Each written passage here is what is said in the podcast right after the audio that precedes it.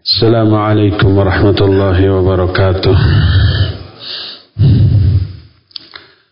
إن الحمد لله نحمده ونستعينه ونستغفره ونعوذ بالله من شرور أنفسنا والسيئات أعمالنا.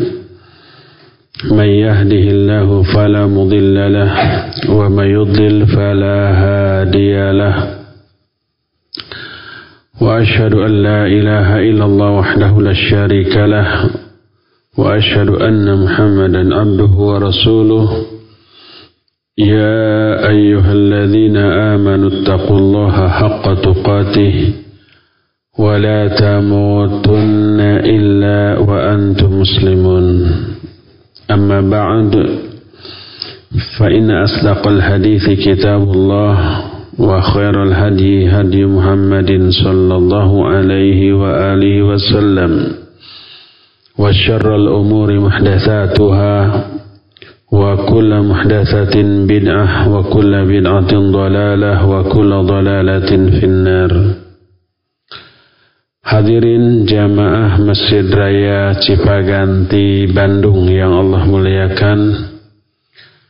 Para pendengar radio Tarbiyah Sunnah Bandung Pendengar radio Al-Bayan Cianjur Radio Riz di Kebumen Radio Suara Kolbu Jayapura Radio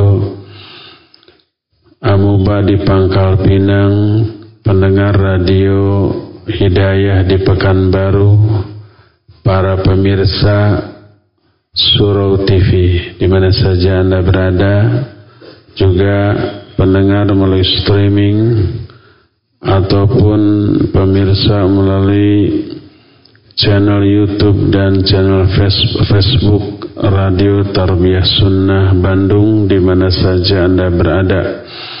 Alhamdulillah kita berjumpa kembali untuk melanjutkan bahasan tentang mengenal Allah lebih dekat.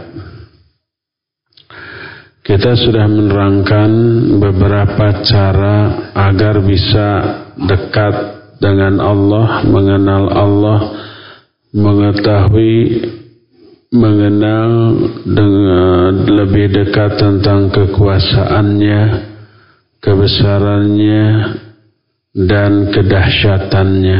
Pertama dengan mengenal dan memahami nama-nama dan sifatnya.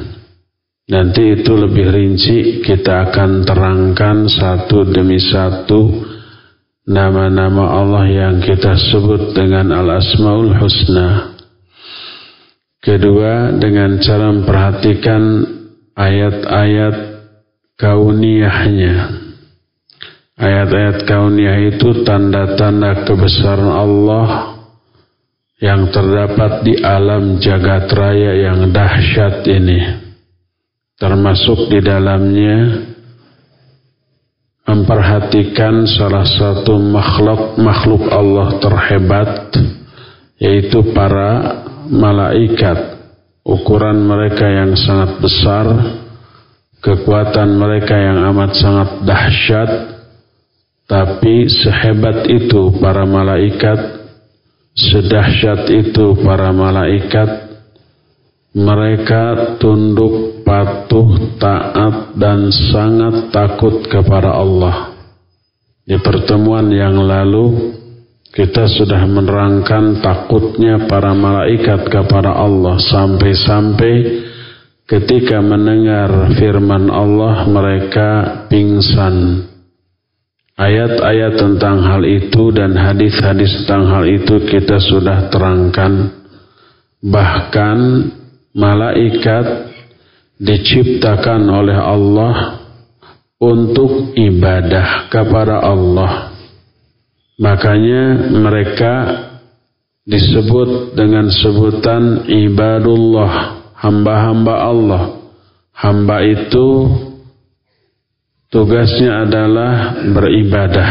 Allah berfirman, "Bal ibadum mukramun."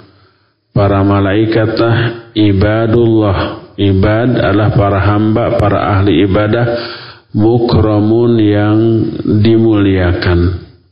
Allah menyatakan demikian ketika membantah anggapan orang musyrik, orang kafir. Orang musyrik, orang kafir meyakini ada malaikat, tapi salah persepsi. Pertama, malaikat-malaikat Allah itu mereka anggap sebagai anak-anak Allah. Yang kedua, malaikat-malaikat itu mereka yakini berjenis kelamin wanita yang cantiknya luar biasa. Bersayap bisa terbang, di atas kepala mereka ada lingkaran putih, di tangan mereka tergenggam tongkat yang ujungnya bersinar. Alhamdulillah. Yahdikumullah wa yuslihu balakum. Itulah imajinasi mereka tentang para malaikat. Mereka berkata para malaikat itu adalah anak-anak Allah. Oleh Allah dibantah maha suci Allah. Bahkan malaikat itu hamba-hamba yang dimuliakan. Allah berfirman dalam surah Al-Anbiya mulai 26 sampai 29. Allah berfirman, "Wa qalu ittakhadar rahmanu walada subhanah bal ibadum mukramun." Orang-orang musyrik itu berkata, Allah memiliki anak. Subhanah, Maha suci Allah Ungkapan tasbih atau subhanah ini merupakan nafi. Nafi itu pengingkaran. Karena apa? Karena makna maha suci adalah mengingkari kekurangan dari diri Allah. Allah nggak punya kekurangan. Allah nggak punya aib. Punya anak bagi Allah merupakan aib. Kata orang musyrik Allah punya anak yaitu para malaikat. Kata Allah subhanah maha suci Allah dari hal itu. Bal ibadum mukramun. Bahkan para malaikat itu hamba-hamba yang dimuliakan. Mereka makhluk-makhluk yang mulia. Karena apa mulia? Karena tunduk, taat dan patuhnya kepada Allah nggak pernah ingkar. Allah melanjutkan dalam firman-Nya dalam ayat selanjutnya la yasbiqunahu bil qawli wa hum bi amrihi ya'malun. Para malaikat itu tidak pernah mendahului Allah dalam ucapan atau tindakan mereka dan mereka mengamalkan apa saja yang Allah perintahkan. Lalu Allah menyatakan ya'lamu ma baina aydihim wa ma khalfahum yashfa'una illa liman irtada wa hum min khasyatihi mushfiqun. Kata Allah Allah mengetahui apa-apa yang ada di hadapan para malaikat dan apa-apa yang ada di belakang para malaikat. Dan para malaikat tidak bisa memberi syafaat kecuali bagi orang-orang yang diridhoi oleh Allah dan saking takutnya kepada Allah mereka itu tunduk dan patuh. Lalu Allah memberi ungkapan yang bernada ancaman kepada para malaikat. Kata Allah, "Wa may yaqul minhum inni ilahun min duni fadzalika najzihi jahannam kadzalika najzi dhalimin." Siapa saja di antara para malaikat yang berani berkata, "Akulah sesembahan selain Allah." Kalau ada malaikat yang berani berbicara demikian, kata Allah, "Fadzalika najzihi jahannam." Kami akan balas malaikat yang demikian dengan neraka jahannam. Kadzalika nazil zalimin dan begitulah kami membalas makhluk-makhluk yang zalim. Jadi ayat ini menunjukkan pertama malaikat adalah hamba. Apa tugas hamba? beribadah kepada Allah Subhanahu wa taala. Kedua, malaikat makhluk yang tunduk taat dan patuh kepada Allah Azza wa Jalla yang tidak pernah bermaksiat walaupun sekejap. Ketiga, malaikat juga terancam bila berani mengaku sesembahan selain Allah akan dimasukkan ke dalam jahanam. Timbul pertanyaan karena ada orang yang salah faham dengan ayat ini. Adanya ancaman dari Allah Siapa saja di antara malaikat yang berani berkata, "Aku adalah sesembahan selain Allah," akan diberikan balasan jahanam. Dari ayat ini sebagian orang ada yang memahami, "Oh, kalau begitu sangat mungkin ada malaikat yang durhaka." Dan terkena ancaman ini karena adanya ancaman menunjukkan adanya kemungkinan malaikat durhaka. Ada yang berkata demikian, ada. Lalu mereka memberi contoh tentang dua malaikat yang diturunkan ke muka bumi lalu mengajarkan ilmu apa? Ilmu sihir. Tuh semakin kuat. Tuduhan yang keji tersebut kepada para malaikat dibantah oleh para ulama karena tuduhan itu sejak zaman bahula mula sudah ada. Sejak zaman tai kotok di lebuan itu sudah ada. Artinya zaman bahula bingit gitu. Menuduh malaikat mungkin ada yang durhaka itu contohnya dua malaikat yang mengajarkan sihir. Siapa namanya? Harut dan Marut. Ya, Nah,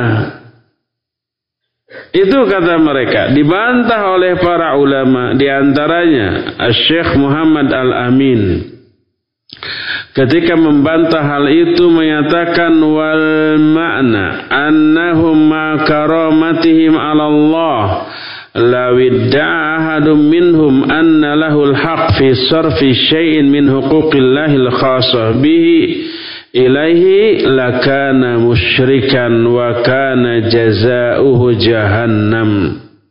Kata Syekh Muhammad Al-Amin, makna dari ayat itu, sekalipun para malaikat itu begitu mulia, begitu hebat, tunduk dan patuh kepada Allah, tapi seandainya ada satu saja di antara mereka yang mengklaim mengaku-ngaku memiliki hak uluhiyah, hak untuk disembah sebagai hak khusus bagi Allah, niscaya mereka dianggap musyrik dan akan diazab dengan jahanam. Itu kalau malaikat. Apalagi manusia biasa, ya.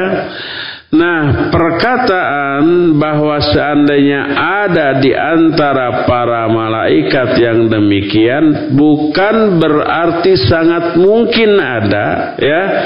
Tapi ini menunjukkan besarnya urusan perbuatan syirik kepada Allah Azza wa Jalla. Sampai-sampai bila itu dilakukan oleh malaikat tetap akan dibalas dengan jahanam. Ungkapan seperti itu sesuatu yang mustahil tapi diungkapkan. Mustahil malaikat musyrik. Mustahil malaikat mengklaim diri sebagai sesembahan. Mustahil. Tapi diungkapkan. Nah hal-hal seperti itu banyak di dalam Al-Quran. Sebagai contoh, Allah berfirman dalam surah Az-Zukhruf ayat 81. Kata Allah, "Qul in kana lirrahmani waladun fa ana awwalul abidin." Katakan oleh Muhai Muhammad, seandainya Allah memiliki anak, akulah yang pertama kali menyembah anak itu. Itu ucapan Nabi Muhammad SAW yang diperintah oleh Allah untuk mengatakan demikian. Dengan pengandaian. Sama dengan tadi seandainya ada malaikat yang mengaku dirinya sebagai sesembahan selain Allah akan kami adab dengan jahanam. Pengandaian itu sesuatu yang mustahil terjadi tapi dikatakan untuk menjelaskan besarnya dosa syirik. Ini juga demikian. Katakan oleh Muhammad, seandainya Allah punya anak, akulah yang pertama kali menyembah anak itu. Apakah pengandaian ini memberi makna sangat mungkin Allah punya anak? Tidak, mustahil Allah punya anak. Ya, juga mungkin nggak Nabi Muhammad Sallallahu Alaihi Wasallam melakukan perbuatan syirik? Mustahil Nabi Wasallam berbuat syirik. Tapi oleh Allah diberikan andai-andai seandainya Nabi melakukan perbuatan syirik niscaya seluruh amal baiknya Ibadah-ibadah yang hebat yang pernah dilakukannya itu batal, gugur, terhapus oleh perbuatan syiriknya. Allah berfirman dalam uh, surah Az-Zumar ayat 65, "Walaqad uhiya ilaika wa ilal ladzina min qablika lain asyrakta la yahbatanna amaluk wa la takunanna minal khasirin." Sungguh telah diwahyukan kepada engkau hai Muhammad dan kepada para rasul sebelum engkau bahwa apabila engkau berbuat syirik kepada Allah pasti akan terhapuslah seluruh amal-amal kamu dan kamu pasti akan termasuk orang yang rugi. Jadi diberikan ungkapan pengandaian kepada Nabi SAW, tapi pengandaian ini sesuatu yang mustahil terjadi. Itu tidak hanya berlaku bagi Nabi Muhammad SAW, tapi juga berlaku bagi seluruh Nabi. Apa mungkin Nabi Muhammad dan para nabi yang lain melakukan perbuatan syirik kepada Allah? Enggak, enggak mungkin. Alias mustahil. Walaupun mustahil oleh Allah diungkapkan. Andai mereka syirik, digugurkan seluruh amalnya. Allah berfirman dalam Al-Quran. ya Di dalam surah Al-An'am 84 sampai 88 wa min dzurriyyatihi Daud ila qawlihi dzalika hudallahi yahdi bihi man yasha min ibadihi walau asyraku lahabitu anhum ma kanu ya'malun juga ceritakan kepada mereka para nabi di antaranya turunan-turunan Daud. Diceritakan. Siapa turunan Nabi Daud? Sulaiman. Daud, Sulaiman, Ilyas, Yunus, Zakaria, Yahya, Isa. Itu satu turunan. Semuanya para nabi, ya. Nah, kata Allah, "Dzalika hudallahi yahdi bihi man yasha'u min ibadi." Itulah petunjuk Allah. Allah telah memberikan petunjuk kepada hamba-hamba yang dikehendakinya. Walau asyraku seandainya para nabi tadi berbuat syirik lahabitu anhum makanu ya'malun. Pasti berguguranlah seluruh amal baik yang pernah mereka lakukan Apakah mungkin para nabi itu melakukan perbuatan syirik? Mustahil. Walaupun mustahil diungkapkan oleh Allah untuk menunjukkan dahsyatnya perbuatan syirik. Dosanya sangat-sangat besar seandainya itu terjadi pada diri para nabi, terjadi pada diri Nabi Muhammad SAW, gugur semua amalnya yang sangat banyak dan berkualitas. Dan bila itu dilakukan oleh malaikat, maka akan diadab dengan adab jahannam. Ya, seluruhnya menunjukkan dahsyatnya dosa syirik, besarnya dosa syirik tapi ungkapan pengandaian terhadap para malaikat dan para nabi tidak menunjukkan amat sangat mungkin mereka melakukan itu enggak. Itu mustahil, tapi dosa syirik itu terjelaskan dengan gamblang dalam hal tadi. Nah termasuk ungkapan wa may minhum inni ilahun min dunih fadzalika najzihi jahannam Siapa di kalangan para malaikat yang berani berkata, seandainya ada di kalangan malaikat yang berani berkata, aku adalah sesembahan selain Allah, maka kami akan balas dia dengan neraka jahanam. Apakah ayat ini menunjukkan bahwa sangat mungkin malaikat melakukan dosa dan maksiat? Tidak, mustahil. Tapi ungkapan tadi menunjukkan hebatnya dosa syirik, besarnya azab yang Allah akan timpakan kepada orang-orang yang melakukan syirik. Adapun malaikat itu sendiri adalah makhluk-makhluk yang sangat tunduk patuh kepada Allah. Allah berfirman, "La ya'suna ma amarahum wa yaf'aluna ma yu'marun." Malaikat itu tidak pernah maksiat terhadap apa pun yang Allah perintahkan dan selalu melakukan apa pun yang diinstruksikan. Dalam Al-Quran surah An-Nahl ayat 50 Allah berfirman Yakhafuna rabbahum min fawqihim Wa yaf'aluna ma yu'marun. Para malaikat itu amat sangat takut kepada Allah yang berada di atas mereka Dan mereka melaksanakan semua yang diperintahkan kepada mereka. Berkata uh, Rasul sallallahu alaihi wa alihi wasallam ketika ketika Jibril datang dan Nabi sallallahu alaihi wa alihi wasallam ingin Jibril datang lebih sering lagi. Selama ini jarang, ya. Berkata Ibnu Abbas radhiyallahu anhuma, Rasul sallallahu wasallam berkata kepada Jibril, "Ala tazuruna aktsara mimma tazuruna?" Bisa enggak engkau mengunjungi aku lebih sering daripada kunjunganmu selama ini? Maka begitu ada permintaan dari Nabi sallallahu alaihi wasallam, turunlah ayat yang terdapat dalam Al-Quran dalam surah Maryam ayat 64 wa ma natanazzalu illa bi amri rabbik. Tidaklah kami yaitu bangsa malaikat turun kecuali hanya kalau diperintahkan oleh Allah.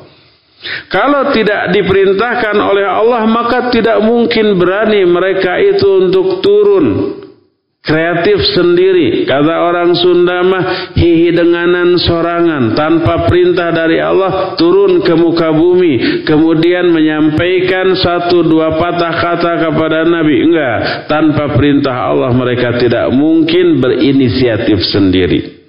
Itu menunjukkan tunduk dan patuhnya para malaikat kepada Allah. Para mereka makhluk-makhluk yang amat hebat, ya. Bahkan saking tunduknya mereka pun sujud kepada Allah.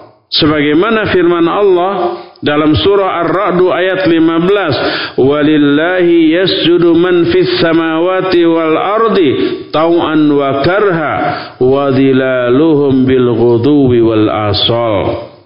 Kata Allah Azza wa Jalla telah sujud kepada Allah semua makhluk yang ada di langit Siapa yang ada di langit? Para malaikat dan juga yang ada di bumi baik sukarela ataupun terpaksa. Dan yang semisal dengan ini banyak. Tidak hanya makhluk-makhluk hidup. Bahkan makhluk yang menurut persepsi kita makhluk yang mati. Tidak bernafas, tidak berbicara, tidak bisa mendengar seperti umpamanya meja, seperti umpamanya tisu, seperti tiang. Menurut kita benda-benda mati. Seluruhnya ternyata bisa berbicara dengan bahasa mereka sendiri dan seluruhnya bertasbih kepada Allah. Cuma sayang, kita tidak memahami tasbih mereka. Allah berfirman dalam surah Al-Isra ayat yang ke-44.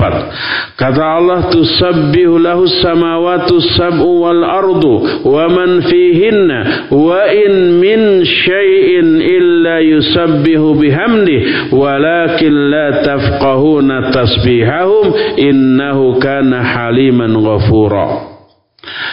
Bertasbih kepada Allah langit yang tujuh dan bumi yang tujuh beserta seluruh isinya. Seluruh makhluk yang ada di langit dan bumi seluruhnya bertasbih. Wa in min syai'in tidak ada satu benda pun di alam jagat raya ini illa yusabbihu bihamdi kecuali semuanya bertasbih dengan memuji Allah walakin la tafqahuna tasbihahum. Tapi kalian tidak memahami tasbih mereka.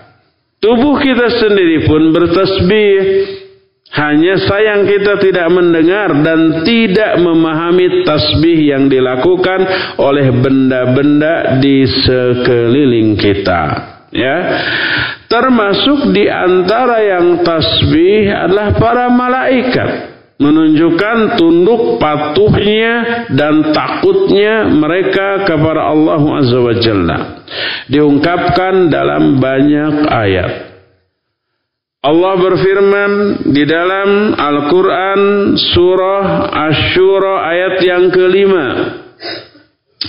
Allah berfirman takadus samawatu yatafattarna min fawqihin wal malaikatu yusabbihuna bihamdi rabbihim wa yastaghfiruna liman fil ardi ala innallaha huwal ghafurur rahim Kata Allah, hampir-hampir langit itu pecah dari atas mereka, dari atas para malaikat. Hampir langit itu pecah, kenapa? Karena ada orang yang mengklaim Allah punya anak. Ketika dikatakan Allah punya anak dan banyak manusia yang demikian, seluruh makhluknya geram, termasuk langit. Hampir-hampir langit ini saking geramnya kepada orang yang seperti itu, hampir-hampir pecah itu. Para malaikat bertasbih memuji Allah dan memintakan ampunan bagi orang-orang yang ada di muka bumi. Ingatlah, sungguhnya Allah Maha Pengampun dan Maha Penyayang.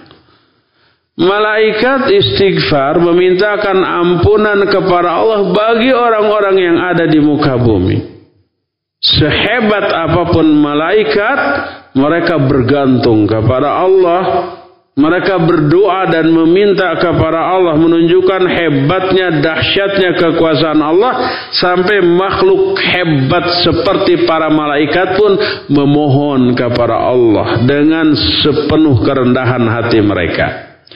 Dan untungnya bagi kita, malaikat itu saking baiknya kepada kita selalu memintakan ampunan kepada kita, kepada Allah untuk kita dan memintakan agar kita dimasukkan ke dalam surga Aden.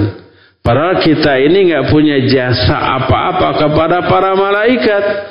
Bahkan sering kita membuat geram para malaikat dengan melakukan dosa dan maksiat kepada Allah Azza wa Jalla. Dengan apa namanya menganggap tidak ada kepada para malaikat. Ketika bersendirian kita berdosa dan bermaksiat menganggap malaikat itu kan tidak ada ya. Kalau ada mah yakin ada di hadapan kita, di kiri kanan kita menuliskan apa yang kita lakukan, gak akan berani kita melakukan itu. Tapi karena dianggap tidak ada, ah beranilah kita bermaksiat.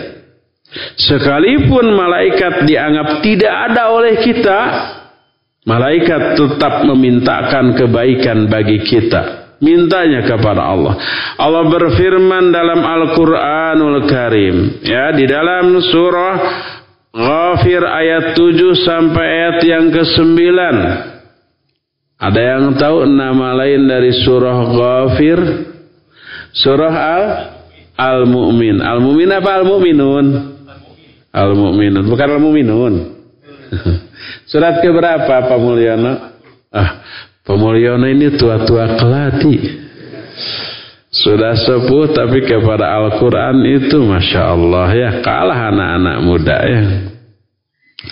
Dalam surah Al-Mu'min atau surah Ghafir, surah ke-40, ayatnya ayat yang ke-7 sampai ayat yang ke-9 Allah berfirman, الذين يحملون العرش ومن حوله يسبحون بحمد ربهم ويؤمنون به ويستغفرون للذين آمنوا ربنا وسئت كل شيء رحمة وعلما فاغفر للذين تابوا واتبعوا سبيلك وقهم عذاب الجحيم ربنا وادخلهم جنات عدن التي وعنتهم ومن صلح من آبائهم وأزواجهم وذريتهم إنك أنت العزيز الحكيم. وقهم السيئات ومن تقي السيئات يومئذ فقد رحمته وذلك هو الفوز العظيم. Kata Allah para malaikat yang memikul arash dan malaikat-malaikat yang ada di sekitar ars jumlahnya nggak kehitung tuh saking banyaknya ya. Mereka bertasbih memuji Allah mereka beriman kepada Allah dan mereka meminta ampunan bagi orang-orang yang beriman. Orang yang beriman semuanya dimintakan ampunan oleh para malaikat. Mereka berkata ya Allah rahmat dan ilmumu meliputi segala sesuatu. Maka ampuni orang-orang yang tobat dan mengikuti jalanmu pelihara mereka dari azab neraka jahim. Ya Allah masukkan mereka ke dalam surga Aden yang telah engkau janjikan untuk mereka bersama orang-orang yang soleh dari bapak-bapak mereka, pasangan-pasangan hidup mereka dan anak-anak turunan mereka. Sesungguhnya engkau maha aziz dan maha hakim. Pelihara mereka dari azab. Siapa orang yang engkau pelihara dari azab pada hari itu, berarti engkau telah merahmatinya. Itulah keberuntungan yang besar. Lihat malaikat yang mulia ini dalam ayat ini sambil memikul arash dan juga malaikat yang ada di sekitar aras selalu bertasbih, memuji Allah, beriman kepada Allah, takut kepada Allah, plus memintakan ampunan, mendoakan kebaikan kepada orang-orang yang beriman. Mendoakan agar orang-orang beriman itu dipelihara dari api neraka, dimasukkan ke dalam surga Aden. Dan ini merupakan kebaikan para malaikat kepada kita sekalian.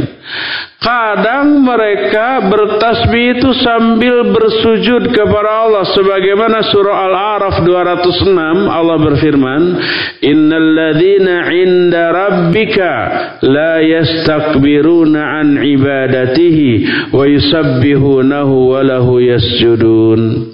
Kata Allah Azza wa Jalla, sesungguhnya para malaikat yang ada di sisi Allah, mereka tidak takabur dari beribadah kepada Allah. Menunjukkan mereka itu ibadah kepada Allah.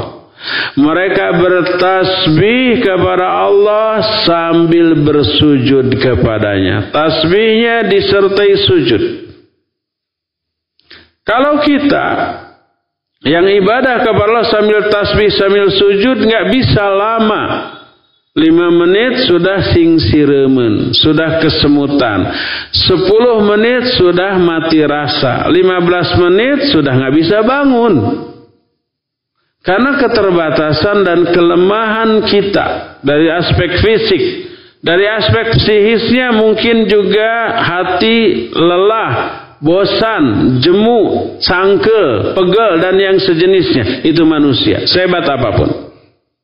Malaikat tidak diberikan oleh Allah kelemahan seperti itu. Tak ada bosan, tak ada pegel, tak ada cangkel, tidak ada kesemutan. Semut nggak bisa masuk ke tubuh malaikat.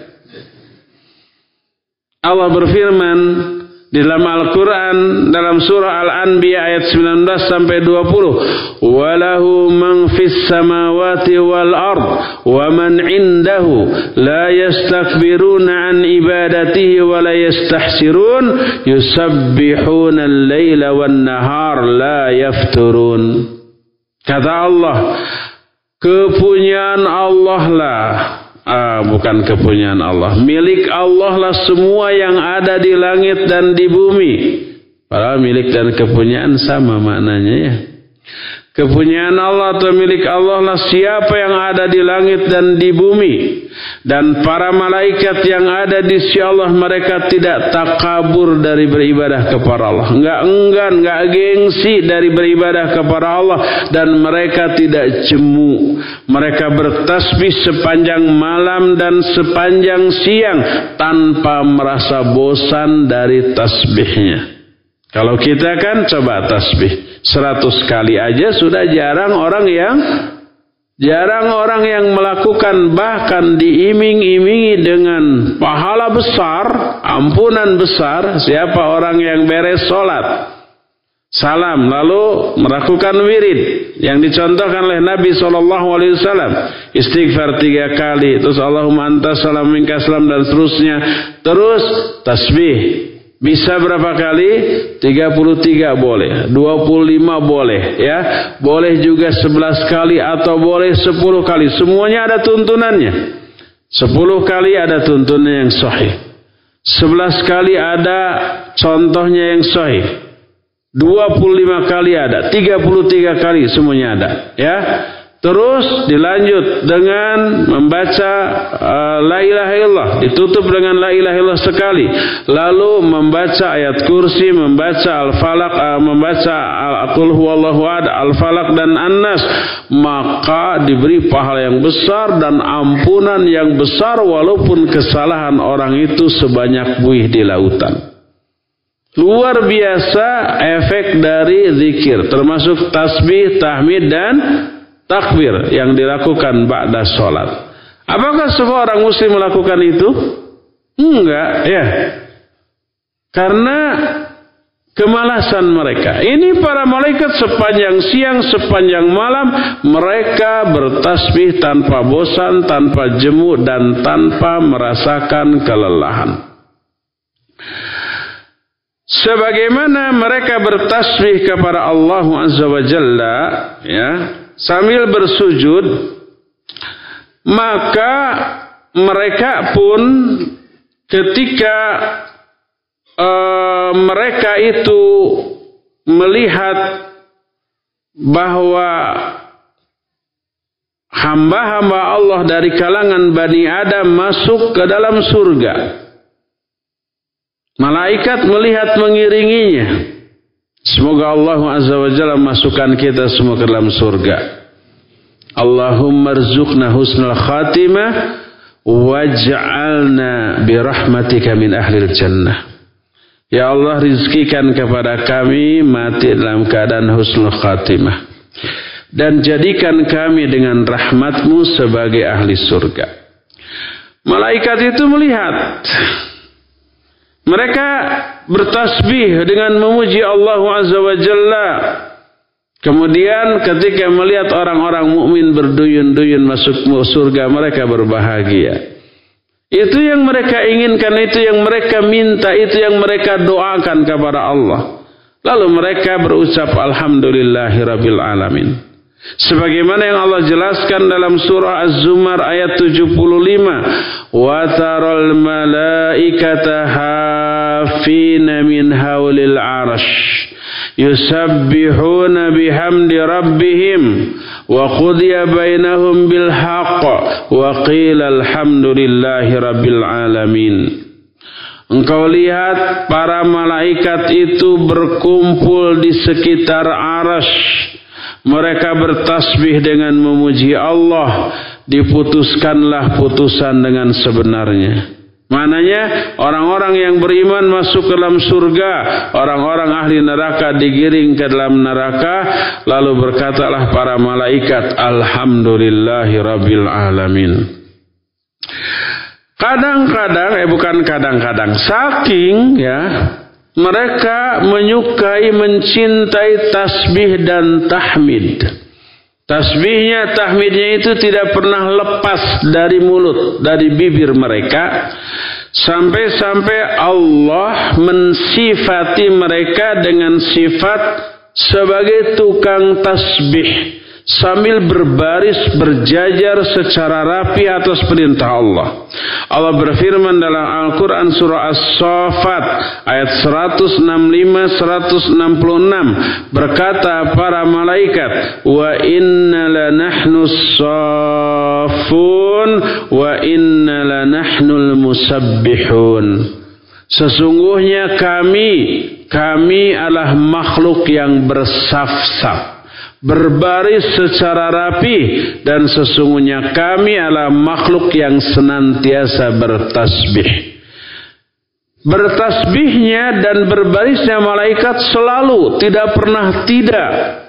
Makanya diungkapkan dengan pertama adanya huruf inna inna sesungguhnya disebutnya huruf taukid la nahnu ada huruf la dengan dibaca pendek la nahnu la dibaca pendek disebutnya lam taukid Ketiga ada pengulangan nahnu dengan isim fa'il. Nahnu sofun sofun as-sofun adalah subjek dari sof. Sof apa artinya? Baris. Orangnya soft dengan adanya alif setelah huruf sod. Ah, tasbih itu pekerjaannya, perbuatannya. Orangnya disebut musabbih. Subjeknya, pelakunya disebut musabbih. Malaikat disebut oleh Allah as-safun dan al-musabbihun. Menunjukkan makhluk yang disifati dengan sifat suka baris dan suka bertasbih secara permanen selama-lamanya. Ya. Dan inilah yang dipilihkan oleh Allah untuk didawamkan oleh malaikat tasbih dan tahmid. Makanya dua kalimat ini dua kalimat yang paling dicintai oleh Allah. Paling ringan diucapkan secara lisan tapi paling berat di dalam di dalam timbangan. Berkata Rasul sallallahu alaihi wasallam dalam hadis yang sahih diriwayatkan oleh Imam Bukhari dalam kitab sahihnya beliau berkata kalimatan habibatani ila rahman khafifatani ala lisan thaqilatani fil mizan subhanallah wa bihamdihi subhanallahil azim. Ada dua kalimat yang paling dicintai oleh Allah tapi ringan di lisan, sangat berat di dalam timbangan. Dua kalimat ini kalimat pertama subhanallah wa bihamdihi subhan kalimat kedua subhanallahil azim.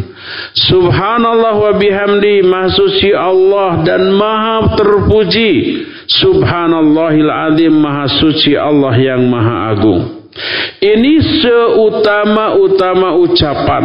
Ucapan yang paling utama dan itu dipilihkan oleh Allah untuk didawamkan oleh para malaikat.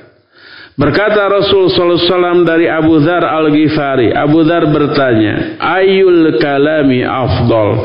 Ucapan apa yang paling utama? Berkata Rasul sallallahu alaihi wasallam, "Mastafallahu li malaikatihi aw li ibadihi subhanallahi wa bihamdi." Ucapan yang paling utama adalah ucapan yang dipilihkan oleh Allah untuk didawamkan oleh para malaikat atau hamba-hambanya yaitu subhanallahi wa bihamdihi. Hadis tersebut sahih diriwayatkan oleh Imam Muslim dalam kitab Sahih Muslim. Dalam riwayat lain berkata Rasul sallallahu alaihi wasallam, "Ala ukhbiruka bi ahabbil kalami ila Allah?" Mau enggak aku ceritakan kepada kalian ucapan yang paling dicintai oleh Allah? Maka para para sahabat bertanya, "Ya Rasulullah, akhbirni bi ahabbil kalami ila Allah." Beritahukan kepadaku ucapan yang paling dicintai oleh Allah. Beliau menjawab, "Inna ahabbal kalami ila Allah subhanallah wa bihamdihi." Sesungguhnya kalimat yang paling dicintai oleh Allah adalah subhanallah wa bihamdihi. Dan inilah yang paling utama dibaca ketika orang sedang tawaf di Ka'bah. Ketika tawaf tidak ada bacaan tertentu, baik tawaf pertama, kedua sampai ketujuh yang diajarkan oleh Nabi SAW tidak ada. Ada karangan orang putaran pertama baca ini, kedua ini, ketiga. Itu bukan dari Nabi SAW. Kalau bukan dari Nabi, apakah bisa dipastikan itu baik? Enggak. Kalau pelaksanaan agama yang terbaik adalah yang dicontohkan oleh Nabi Sallallahu Alaihi Wasallam. Tapi beliau memerintahkan untuk banyak tasbih dan tahmid dengan baca Subhanallah wa bihamdihi Subhanallahil azim Subhanallah walhamdulillah wa la ilaha illallah wallahu akbar wa la haula wa la quwata illa billah. Itu ulang-ulang selama tawaf kecuali kalau dari Ruknul Yamani sampai pojok yang ada Hajar Aswad baru itu ada doa khusus. Apa apa doanya? Rabbana atina fid dunya hasanah wa fil akhirati hasanah wa qina adzabannar. Ya. Itulah tasbih dan tahmidnya para malaikat. Selain tasbih dan para malaikat, malaikat juga mendoakan orang-orang mukmin kepada Allah. Kalau malaikat makhluk yang hebat berdoa kepada Allah mengisyaratkan kedahsyatan Allah, kehebatan Allah, kemaha pengaturan Allah terhadap alam jagat raya ini. Malaikat tanpa perintah dari Allah nggak bisa berbuat apa-apa. Malaikat ingin menebar kebaikan kepada orang beriman, tapi mereka harus melalui prosedur minta kepada Allah dengan cara berdoa, ya. Nah, doa malaikat untuk manusia disebut dengan sebutan solawat para malaikat. Isi solawat itu apa? Berdoa. Berdoanya kepada Allah. Isi doanya untuk manusia. Allah berfirman dalam Al-Quran dalam surah Al-Ahzab 43. Kata Allah, huwa alladhi yusalli alaikum wa malaikatuhu liyukhrijakum minadh dhulumati ilan nur wa kana bil mu'minina rahima Dialah Allah yang bersolawat kepada kalian. Allah juga suka solawat kepada manusia. Ada yang masih ingat makna solawat Allah kepada manusia? Apa maknanya? Pujian Allah kepada manusia itu di hadapan di hadapan para malaikat. Allah banggakan tuh manusia di hadapan para malaikat. Itu berdasarkan salah satu penafsiran Imam Abul Aliyah. Rahimahullah. Abul Aliyah ini sezaman tidak dengan Nabi? Sezaman tapi beliau masuk tabi'in. Kenapa? Waktu sezaman bertemu dengan Nabi masih kafir setelah Nabi wafat dia baru masuk Islam. Dan bagus keislamannya dan menjadi ulama besar di kalangan generasinya, generasi tabi'in. Makanya disebut dengan sebutan generasi tabi'in, ya. Walaupun bertemu dengan Nabi wasallam. Berkata Abu Aliyah, "Salatullahi ala 'abdih sana'uhu alaihi indal malaikah." Ucapan Imam Abu Aliyah ini dikutip oleh Imam Bukhari dalam kitab Sahih Bukhari. Dikutip oleh Imam Ibn Qayyim dalam banyak kitabnya. Termasuk Ighathatul Lahafan yang kita bahas dua tahun berturut-turut dan tahun ini juga masih berlanjut. Kita pernah bahas itu. Dikutip oleh Imam Ibn, Ibn Qayyim. Bahwa Salawat Allah kepada hambanya adalah pujian Allah kepada hamba itu di hadapan para malaikat. Allah berfirman, dialah Allah yang bersolawat kepada kalian. Demikian juga para malaikatnya bersolawat kepada kalian untuk mengeluarkan kalian dari kegelapan menuju cahaya yang terang benderang. Dan Allah maha penyayang kepada seorang mukmin.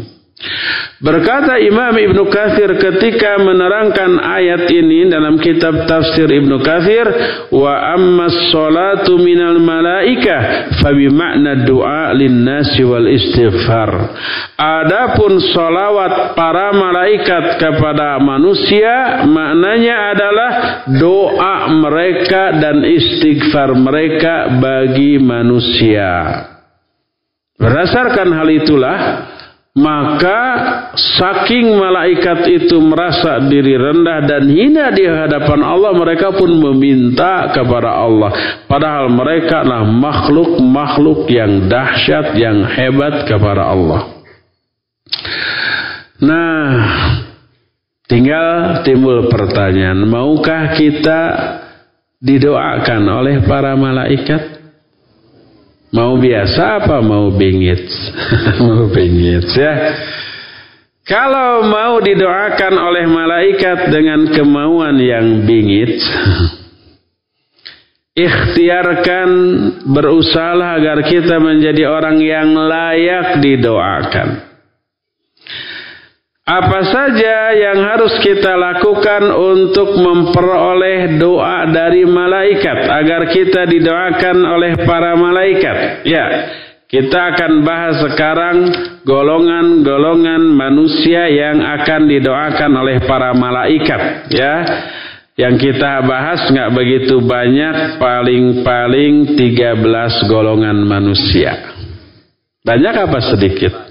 Lumayan ya not bad ya mudah-mudahan kita termasuk salah satunya minimal syukur-syukur kalau ketiga belas ciri-ciri orang yang didoakan malaikat itu kita miliki ya nah yang pertama, yang pertama ini insya Allah sudah kita miliki dan sedang kita lakukan.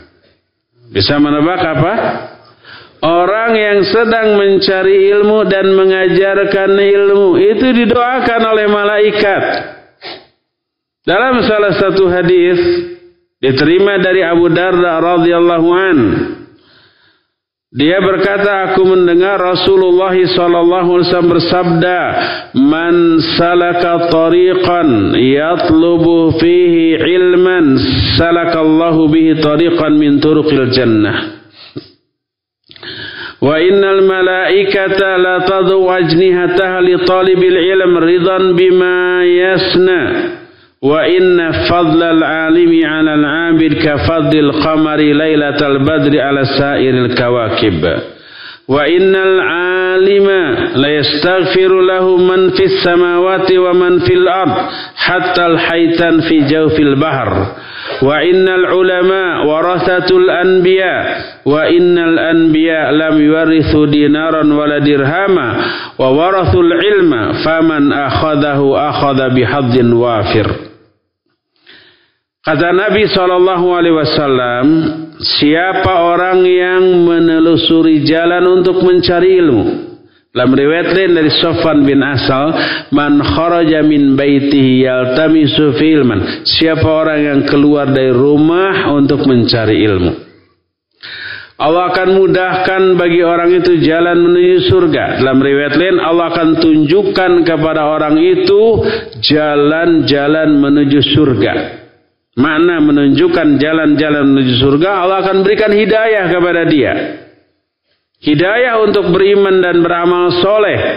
Mencari ilmu adalah amalan pengundang hidayah. Ketika iman lemah, carilah hidayah dengan cara mendatangi majelis ilmu. Dan sampai ada orang yang berprinsip ketika iman lemah, dia memilih menyendiri di rumahnya. Gak mau umpamanya hadir ke dalam majelis ilmu, ya tambah lemah diterkam oleh setan dalam kesendiriannya. Allah menjauhkan dia dari hidayah. Keluarlah dari rumah, hadirlah ke majlis ilmu. Jangan mencari hidayah dengan cara yang ditetapkan oleh akal fikiran kita sendiri tanpa berpegang teguh kepada nas.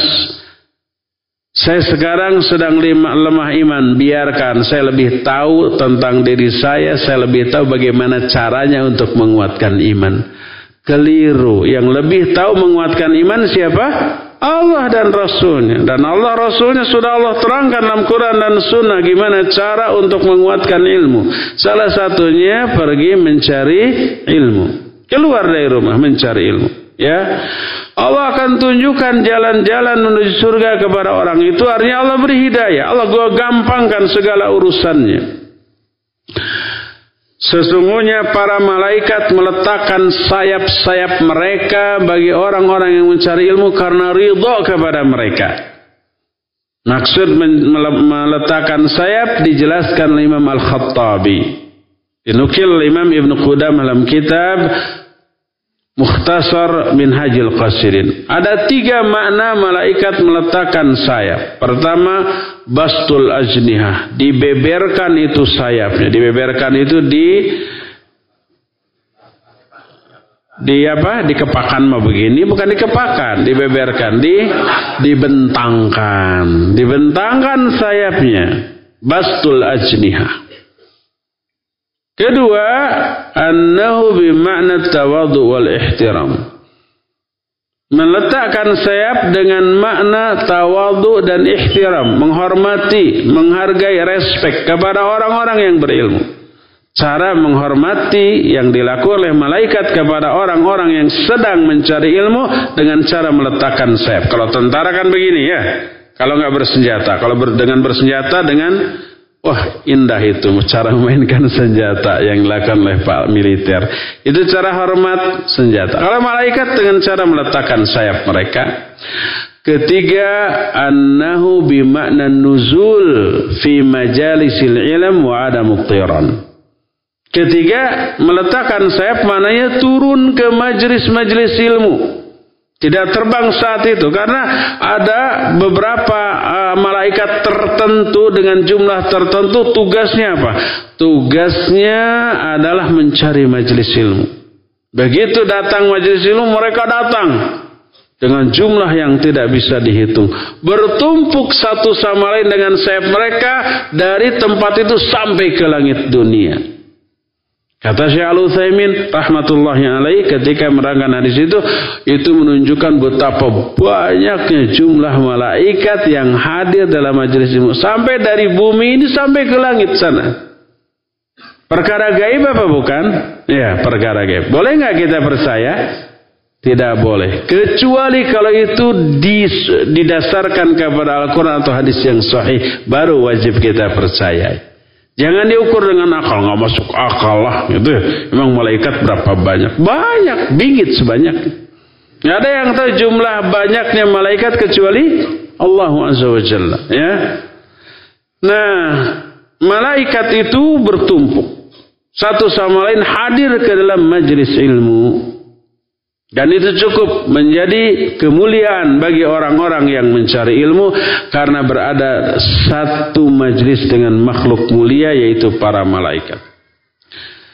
Lalu kata Nabi SAW sesungguhnya keutamaan orang yang berilmu dibanding ahli ibadah tanpa ilmu.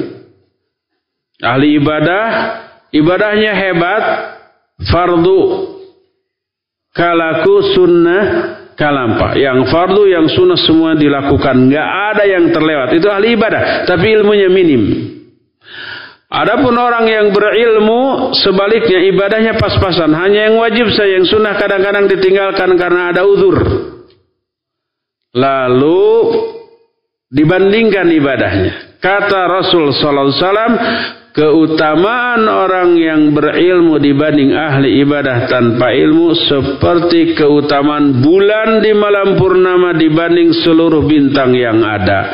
Terang mana cahaya bulan purnama dengan ratusan juta bintang atau miliaran bintang? Terang satu bila bulan di malam purnama. Seperti itu keutamaan satu orang ahli ilmu dibanding jutaan ahli ibadah tanpa ilmu. Lalu kata Nabi SAW sesungguhnya orang alim, orang yang berilmu. Alim di sini dua. Orang yang belajar ilmu dan mengajarkan ilmu. Dimintakan ampun oleh seluruh makhluk yang ada di langit. Siapa yang ada di langit? Para malaikat. Dan yang ada di bumi. Siapa? Semua yang ada di bumi. Sampai ikan-ikan yang ada di kedalaman lautan. Dalam riwayat lain, hatta namlah fi juhriya, sampai semut-semut yang ada di lubang-lubangnya. Nabi SAW menyebut semut sebagai makhluk yang kecil menunjukkan apalagi makhluk-makhluk yang lebih besar daripada semut. Itu pun mendoakan semua, memintakan ampun. Selama kita ngaji, selama kita menuntut ilmu, selama kita hadir di majlis pengajian, seluruh makhluk penghuni langit dan penghuni bumi beristighfar dengan mengatakan Allahumma gfir lahum, Allahumma arhamhum. Ya Allah ampuni mereka. Ya Allah rahmati mereka. Bayangkan jumlah mereka itu triliunan. Apa sebutan yang lebih besar dari satu triliun? Biliun apa? Belum ada ya? Kalau ada sebut. Makhluk jumlahnya tidak terhitung. Manusia aja ada miliaran. Belum lagi binatang ada triliunan. Belum ya, jenis-jenis makhluk di lautan. Nggak terhitung. Seluruhnya memintakan ampunan dan rahmat bagi orang-orang yang sedang belajar ilmu dan mengajarkan ilmu syar'i. Kebayang nggak efeknya? Efeknya kebayang. Dikabul itu doa seluruh makhluk selama ngaji. Seperti ini dosa-dosa kita berguguran. Kesalahan-kesalahan kita dihapus. Maksiat-maksiat kita diampuni oleh Allah Azza wa Jalla. Makanya makin lama ngajinya makin bagus untuk kita. Makin bersih dosa kita. Makanya ngaji itu 10 jam gitu. Gak bisa bangun lagi nanti semua ya. Dimintakan ampunan. Dan sesungguhnya para ulama itu warasatul anbiya. Apa terjemahan yang tepat bagi warasatul anbiya? Ulama adalah pewaris salah, keliru. Ahli waris. Apa beda pewaris dengan ahli waris? Kalau ahli waris yang menerima warisan, kalau pewaris yang memberi warisan ulama ahli waris para nabi atau pewaris para nabi? Yang benar. Ahli waris. Ulama itu menerima ilmu dari para nabi atau memberi ilmu kepada para nabi? Menerima. Jadi yang benar apa? Ahli waris. Banyak orang yang salah menerjemah ulama adalah pewaris para nabi. Kalau gitu ulama yang ngasih warisan kepada para nabi. Keliru. Ya, Ulama adalah ahli waris para nabi. Sedangkan para nabi tidaklah mewariskan dinar ataupun dirham. Apalagi rupiah yang nilainya anjlok. Tidak mewariskan dolar, euro ataupun pound sterling. Apa mata uang paling besar? Pound sterling ya selama ini. Ya. Atau dinar Kuwait. Satu dinar Kuwait itu 5 dolar. Satu dolarnya berapa sekarang? 14? 14 ya. Berarti satu dinar Kuwait berapa? 14 kali 5, 70. Berarti uh, ah hitung sendirilah, males. para nabi, para rasul, para nabi itu tidak mewariskan dinar ataupun dirham. Dinar uang apa? Uang emas. Satu dinar itu sebanding dengan 4,25 gram emas.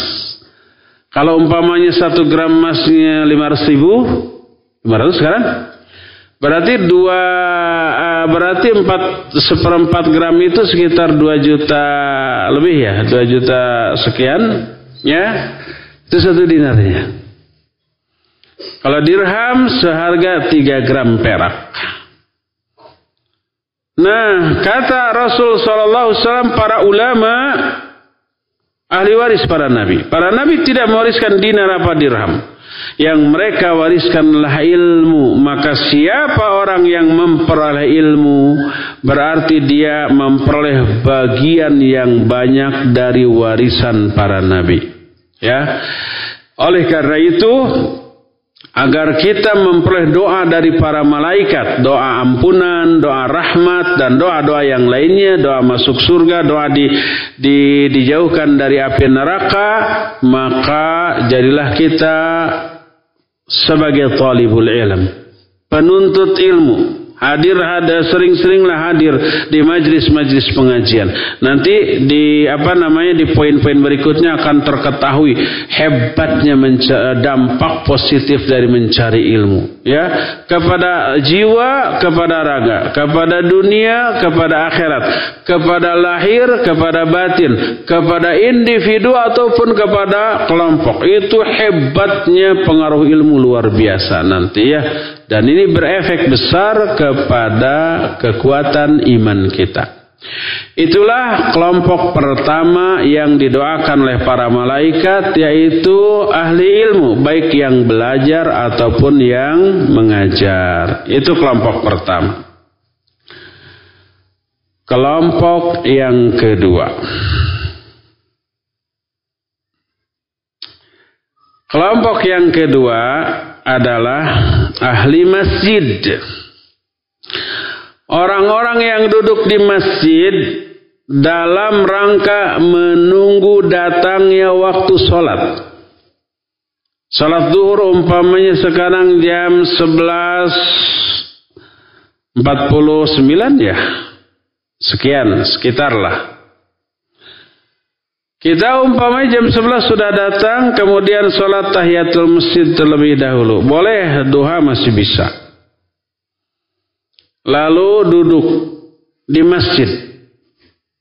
Menunggu apa? Menunggu datangnya waktu sholat. Apa keuntungannya? Keuntungannya pertama, walaupun dia duduk, kadang ngobrol, kadang baring-baring, seringnya main HP pasti. Di masjid. Asal yang dibukanya hal-hal yang bagus-bagus ya nggak apa-apa, ya.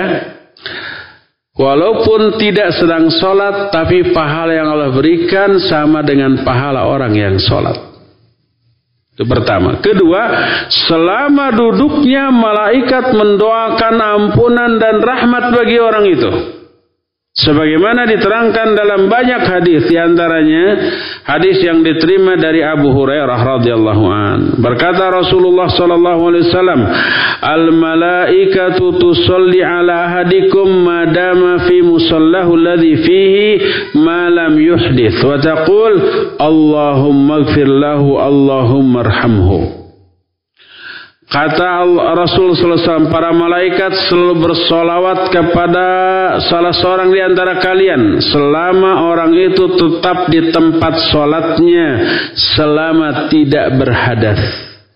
Jadi kalau kita mau nunggu sholat, pertahankan wudhu kita. Kalau batal, Wudhu lagi lalu datang lagi ke masjid. Kalau bada sholat, bada sholat setelah wirid, setelah sholat apa namanya bada kita berdiam diri di masjid. Pertahankan jangan sampai batal. Kalau batal nggak dosa, cuma nanti kurang efeknya ya. Nah selama dia menunggu di tempat sholat dan tidak berhadas, malaikat mendoakan Allahumma gfirlahu, Allahumma arhamu. Ya Allah ampuni dia, ya Allah rahmati dia.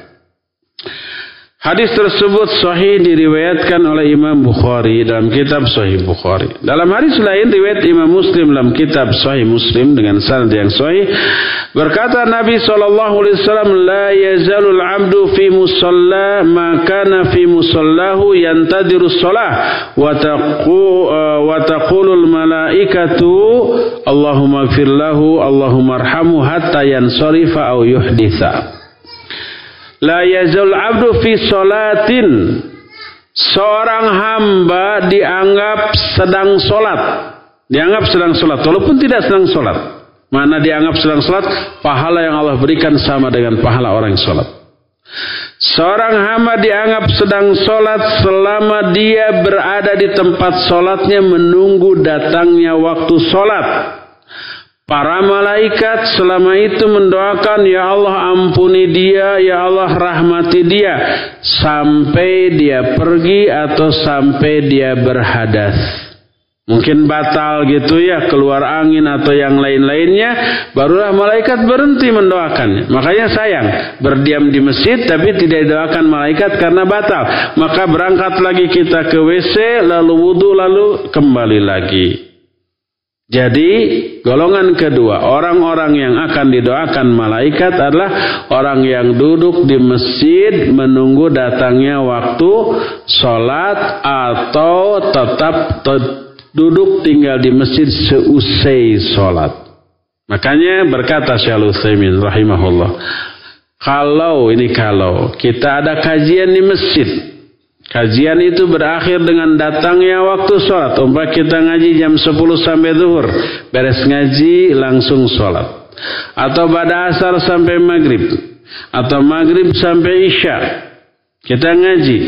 Selain meniatkan ngaji, niatkan diri kita, duduknya kita di sana pun sambil menunggu datangnya waktu sholat maka kena dengan keutamaan ini. Ya, niatkan. Ha, sayang sekali ngaji kita sekarang sampai jam berapa? Jam 11. Tapi kalau antum mau tetaplah tinggal di sini sampai zuhur tiba, ya. Jangan ikuti saya, saya ada keperluan. Jam 11 saya kabur. Untuk tetaplah di sini waktu sholat tiba tunggu, oh malaikat mendoakan dan selama kita menunggu di sini pahala yang kita dapat sama dengan pahala sholat. Pahala sholat itu besar apa badag? Dua-duanya besar dan badag ya. Badag itu ya besar bahasa Sunda itu.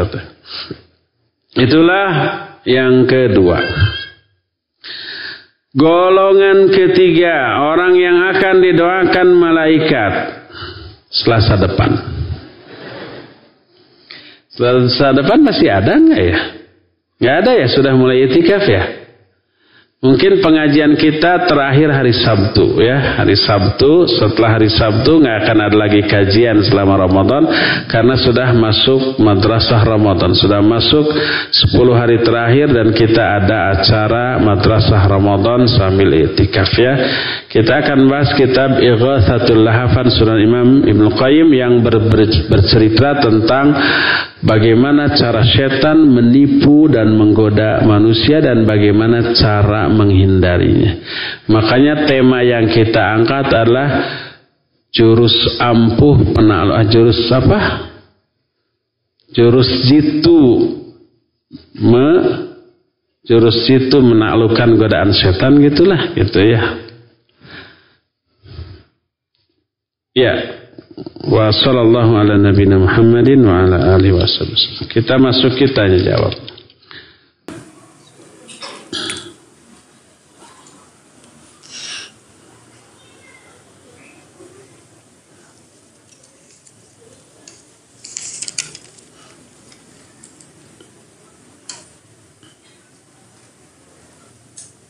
Ustaz, apakah jika seseorang bermaksiat secara sembunyi-sembunyi karena takut dilihat orang?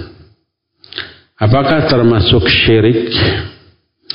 Karena dia lebih takut dilihat orang dibanding takut kepada Allah. Apakah amalan pahala orang tersebut terhapus semuanya? Barakallahu fiqh. Ada yang tersindir dengan pertanyaan ini? Ada? Gak ada? Soleh semua. Kalau saya tersindir, satu-satunya yang tersindir. Iya, barakallahu fiik. Pertama, berkata Imam Ibnu Qayyim rahimahullah dan perkata Imam Ibnu Qayyim juga dinukil dalam kitab Fathul Majid Syarah Kitab Tauhid dan kita juga sudah membahas itu di awal-awal membahas kitab Al-Qaul Mufid, Ta'liq ala Kitab Tauhid ya. Pada hakikatnya, pada hakikatnya seluruh kemaksiatan, seluruh dosa adalah perbuatan syirik. Karena ketika orang itu berdosa dan bermaksiat, ya, dia lebih mengutamakan hawa nafsunya daripada Allah Azza wa Jalla. Menuhankan hawa nafsunya daripada Allah Azza wa Jalla. Afara'aita alladhi ilahahu awahu. Apakah kamu tidak memperhatikan orang yang menjadikan hawa nafsunya sebagai ilahnya? Itu para pelaku dosa dan maksiat. Ketika orang melakukan dosa dan maksiat, dia tahu nggak bahwa itu dosa? Tahu. Coba tanya ke tukang copet. Tahu nggak nyopet itu dosa? Tahu. Coba tanya ke tukang mabuk. Tahu nggak mabuk, judi, zina itu dosa? Tahu. Kenapa dia lakukan? dia lebih mengutamakan hawa nafsu daripada Allah Jalla. Ya. Dari segi ini ada unsur nilai syiriknya. Setiap maksiat kepada Allah adalah syirik.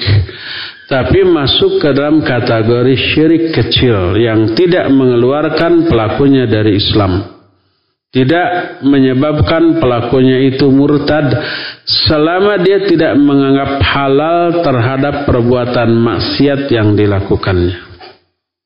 Kalau dia menganggap halal, kenapa kamu berzina? Lo so what gitu loh. Apa salahnya suka sama suka saling menguntungkan simbiosis mutua mutualisme. Apa salahnya? Halal kok. Bahkan ibadah karena saling menyenangkan. Dia kafir dengan ucapannya. Karena menghalalkan apa-apa yang Allah haramkan secara qat'i. Walaupun dia tidak berzina umpamanya. Walaupun dia tidak berzina tapi dia berkeyakinan zina itu halal. Kenapa kamu enggak takut digerebek hansip? Kenapa kamu enggak takut menjadi rajanya singa umpamanya ya? Makanya saya tidak tapi halal kok bahkan ibadah karena saling menguntungkan. Dia kufur dengan ucapannya walaupun tidak berbuat ya. Karena menghalalkan apa yang Allah haramkan. Adapun kalau dia berbuat tapi merasa berdosa dia muslim tetap tidak murtad tidak kafir tidak keluar dari Islam tapi muslim yang berdosa besar. Apakah dia telah terjerumus dalam perbuatan syirik? Iya tapi syirik kecil karena pada hakikatnya setiap kemaksiatan berarti menomor duakan Allah daripada hawa nafsunya. Ya. Apakah seluruh amal-amal orang itu batal?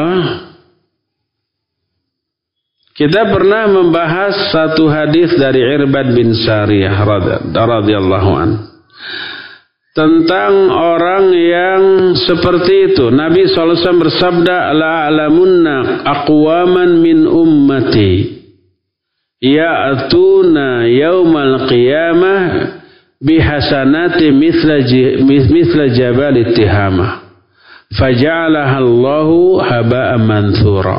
Aku benar-benar tahu beberapa kaum dari umatku. Dari umatku berarti umat Islam mereka datang pada hari kiamat dengan membawa pahala kebaikan sebesar gunung Tihama. Gunung besar sekali.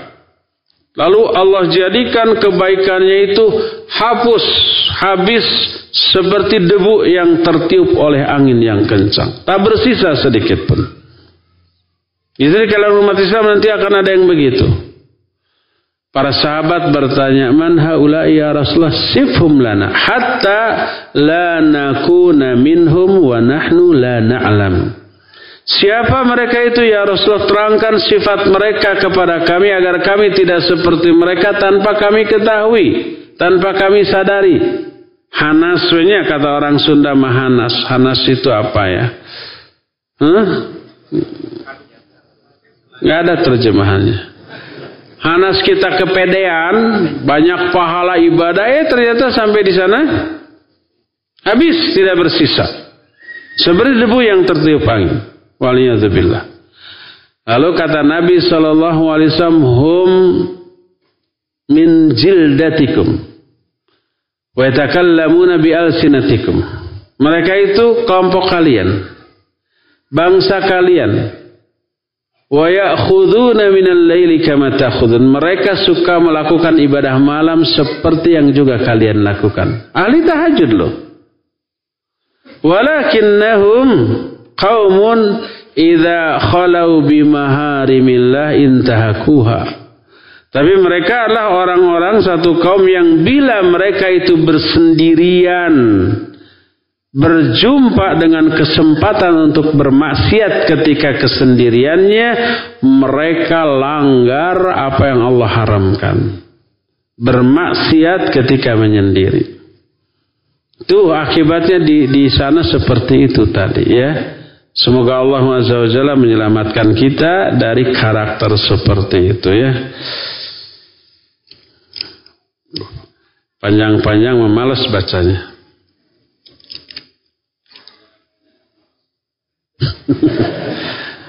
Alelewe. Salam. Ada eho gitu? Assalamualaikum Ustaz. Waalaikumsalam warahmatullah. Apakah orang yang sudah dikhitbah bisa membatalkan pernikahan? Karena ternyata yang dikhitbah merasa tidak serg dan orang tua pun merasa ada kejanggalan yang ditulis di CV tidak sesuai dengan realita yang ada. Ya boleh al-bayani fil khiyar malam yatafarraqa. Orang yang berjual beli itu berada dalam pilihan. Dibolehkan memilih melanjutkan transaksi atau membatalkan selama belum berpisah. Dan akad pernikahan tak ubahnya seperti jual beli.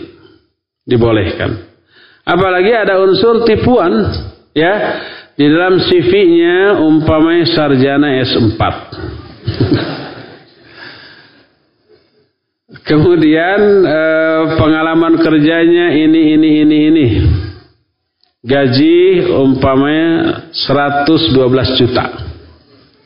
Umpamanya ya.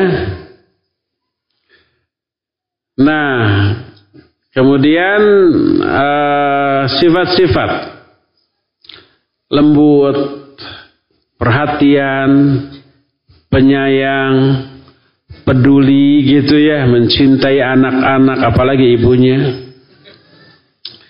Ah, begitu ketemu datang untuk mengkhitbah, seluruh sifat yang dia terangkan dalam CV tidak ada. Gitu datang petenteng-petenteng, kasar, ya. Mana-mana calon saya mana-mana gitu ya. Ah, kasar, tidak ada kelemah lembutan, ya. Boleh nggak membatalkan? Boleh tentu saja. Boleh. Saya tolak bukan membatalkan kalau begitu karena belum diterima kan. Loh, akhir kok sudah sesuai dengan CV. Katanya gajinya 112 juta. Kok ke sini pakai becak? Yang apa namanya tukang becanya juga bapaknya umpamanya. Masa 100 juta, 112 juta begitu umpamanya. Maka boleh ditolak, boleh dibatalkan. Karena di dalam diri orang ini sudah ada karakter yang buruk berupa dusta, berupa khianat, berupa ketidakjujuran ya. Boleh. Allahu a'lam Nanti akan berulang kembali setelah menikah. Nanti gitu lagi, gitu lagi.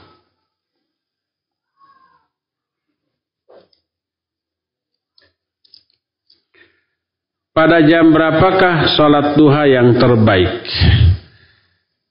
Kata Nabi Shallallahu Alaihi Wasallam, sholat duha itu hina tarfudul fisol, ketika anak unta mulai kepanasan, merasa kepanasan, lalu dia berlindung di bawah perut ibunya sambil nen, sambil nyusu. Dan itu diperkirakan sekitar mau menjelang zuhur. Kalau di kita mungkin jam setengah sebelas, jam sebelas itu yang terbaik mau menjelang zuhur. Tapi kalau orang-orang yang memiliki kepentingan di siang hari tidak mungkin melakukannya karena kerja, karena sekolah, boleh dia lakukan kira-kira 15 menit setelah uh, syuruk, setelah matahari terbit. Jangan pas matahari terbit. 15 menit setelah syuruk boleh. Silakan melakukan sholat duha. Ustaz. Ya. Dari Bapak Anto di Kebumen, Ustaz. Sunnah-sunnah apakah yang di zaman sekarang sunnah banyak ditinggalkan kebanyakan orang termasuk yang sudah ngaji? Apakah kalau kita mengamalkan sunnah tersebut bisa mendapatkan pahala yang berlipat ganda? Iya, Barokallahu Fik Bapak di Kebumen melalui radio ya mungkinnya. Itu yang disebut dengan As-Sunanul Mahjur. Ada bukunya khusus tuh. As-Sunanul Mahjurah ini sunnah-sunnah yang sudah banyak ditinggalkan orang. Ada bukunya khusus. Kalau nggak salah dulu pernah kita bahas kitab ini As-Sunanul Mahjurah, sunnah-sunnah yang banyak ditinggalkan orang. Pertama, kalau yang ditinggalkan itu oleh orang awam ini jauh lebih banyak lagi. Seperti umpamanya memanjangkan jenggot, kemudian uh, memendekkan celana atau gamis atau sarung di atas kedua mata kaki, ya Kemudian apalagi as-sunanul mahjurah termasuk umpah salat syuruk yang banyak ditinggalkan oleh orang dan yang lain-lainnya. Adapun di kalangan para tulabul ilm, para penuntut ilmu mungkin lebih sedikit dibanding dengan eh, orang-orang uh, awam dalam meninggalkan itu. Uh, sebagai contoh umpamanya termasuk as-sunanul mahjurah. As-sunanul mahjurah itu sunnah-sunnah yang disunnahkan oleh Nabi SAW tapi banyak orang yang sudah meninggalkannya. Salah satu contohnya umpamanya termasuk saya sudah meninggalkan. Bukan sudah meninggalkan. Tidak pernah melaksanakan. Umpamanya mengenakan celak mata. Bagi laki-laki juga itu sunnah. ya Memakai parfum kalau ini masih ya ikhwan-ikhwan banyak. Makanya dagang parfum laku tuh. Dan menolak diberi parfum termasuk minas sogoir. Termasuk dosa kecil ditawari. Parfum mau? Enggak ah. Saya mah enggak suka wangi. Itu termasuk dosa kecil. Kenapa? Karena menolak sunnah Nabi Shallallahu Alaihi Wasallam. Makanya La tahtaqiranna minal ma'rufi syai'a. Jangan kalian anggap remeh, anggap enteng kebaikan walaupun hanya sedikit. Kalau umpah di Mekah di Madinah, orang itu beli satu botol kecil parfum lalu setiap sholat dibagi-bagi. Mapai dia kesan dioleskan ya. Kita lagi berdoa begini diolesin tangannya. Ya. Ke mana aja kita? Kita lagi baca Quran, nggak merespon karena kita fokus kepada Allah, dioleskan. Terus walaupun menurut kita tidak wangi, asal minyak wangi, saya menurut mereka wangi dioleskan. Itu kebaikan, nggak apa-apa ya. Dan jangan merasa sayang, wah ini minyak wangi saya mahal, satu tetesnya itu seratus ribu. Ada yang seperti itu ya. Aduh kalau dibagi ini seratus ribu nih satu tetesnya ya umpamanya. Gak masalah, itu pahalanya besar. Pahala bagi kedua-duanya ya. Itulah di antara sunnah-sunnah yang banyak ditinggalkan. Bagaimana kalau kita hidupkan lagi 10 jempol?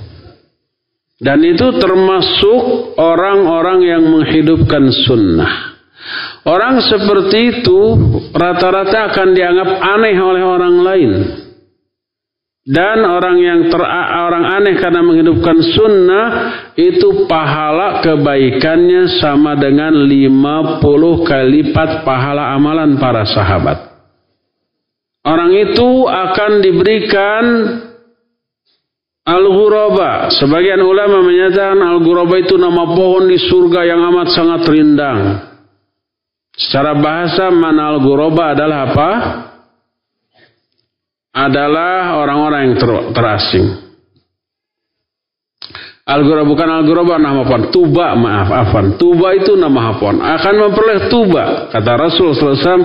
Fatuba lil ghuraba. Alladzina yuhyuna ma amatan nasu min sunnati. Tuba bagi al-ghuraba. Tuba itu pohon di surga yang amat sangat rindang. Para ulama menyatakan tuba mananya berbahagialah. Dua-duanya sama, semana. Dia akan berbahagia dengan akan peroleh pohon yang rindang di surga. Fatuba lil guroba berbahagialah para guroba orang-orang yang dianggap aneh dianggap asing salah satu kriterianya adalah alladzina yuhyuna ma amatan nasu min sunnati orang-orang yang menghidupkan kembali sunnah-sunnah kami yang sudah dimatikan orang Orang sudah meninggalkan kita hidupkan lagi. Selama itu adalah sunnah, ya itu bagus ya. Wallahu a'lam.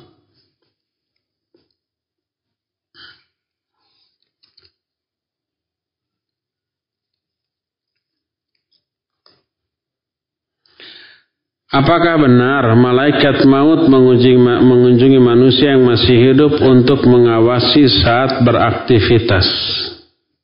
malakul maut. Apakah benar malaikat maut mengunjungi manusia yang masih hidup untuk mengawasi saat beraktivitas? Wallahu alam bisawab kita belum pernah mendengar keterangan ini. Ada kita pernah membahas malai, uh, kitab malaikat ini yang saya bahas ini Judulnya adalah tentang uh, malaikat, alam malaikat semuanya di sini. Al Malaikatul Muqarrabin. Kita juga pernah membahas kitab At-Tadhkirah susunan Imam Al-Qurtubi, tapi bukan di sini ya, di Bekasi sana. Dan ketika tiba membahas tentang malakul maut, beberapa aktivitas dan karakter malakul maut itu dibahas. Salah satunya dari riwayat bahwa malakul maut itu ya melihat seluruh makhluk yang akan dicabut nyawanya. Seperti salah seorang di antara kalian duduk di atas sebuah kursi lalu melihat ah, benda-benda kecil di bawahnya. Seperti itu, diawasi. Dan begitu ada instruksi dari Allah untuk mencabut nyawa seseorang tertentu, seketika itu juga langsung dieksekusi.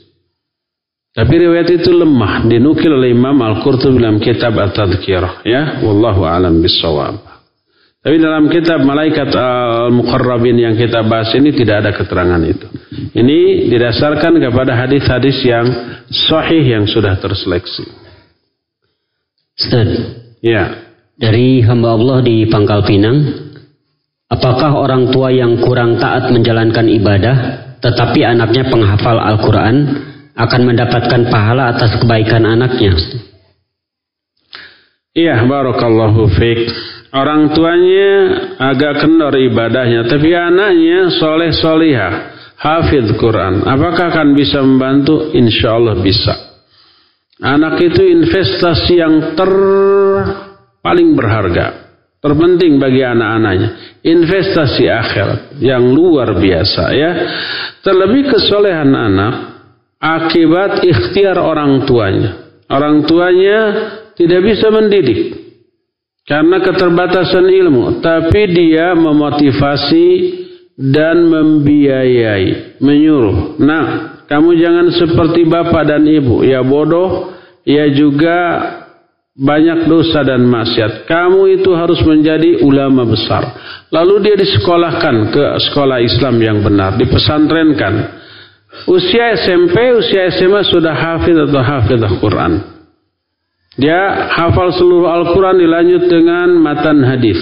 Terus sampai nanti kelak menjadi seorang dai, seorang ulama. Ya, nah apakah orang tuanya punya andil? Jelas besar. Apakah akan terselamatkan? Insya Allah akan terselamatkan.